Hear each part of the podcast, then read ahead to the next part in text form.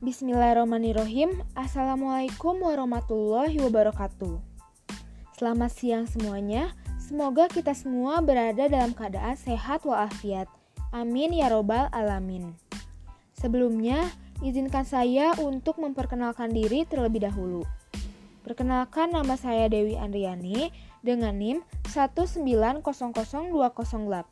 dari kelas PKN 2019A Fakultas Pendidikan Ilmu Pengetahuan Sosial Universitas Pendidikan Indonesia dari kelompok 3. Pada kesempatan kali ini, saya ingin mengomentari dan memberi solusi serta memberikan pertanyaan kepada kelompok 8 yang membahas chapter report dengan tema Studi kasus persiapan konten, pengetahuan, guru dengan pembuatan program studi sosial. Baik, untuk pertama-tama saya ingin membahas podcast terlebih dahulu. Dalam isi materinya sendiri, kedua anggota sudah dapat menyampaikan materi dengan baik.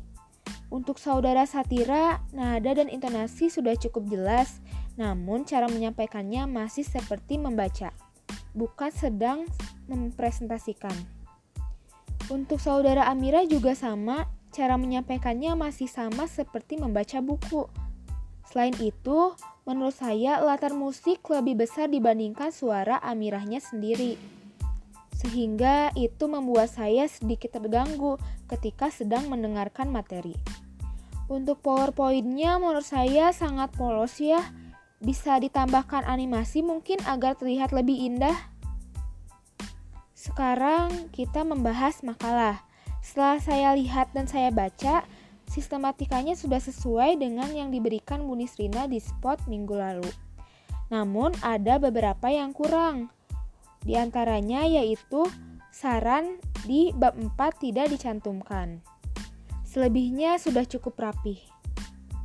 Baik, sekarang saya ingin memberi pertanyaan untuk kelompok 8, tepatnya untuk saudara Satira.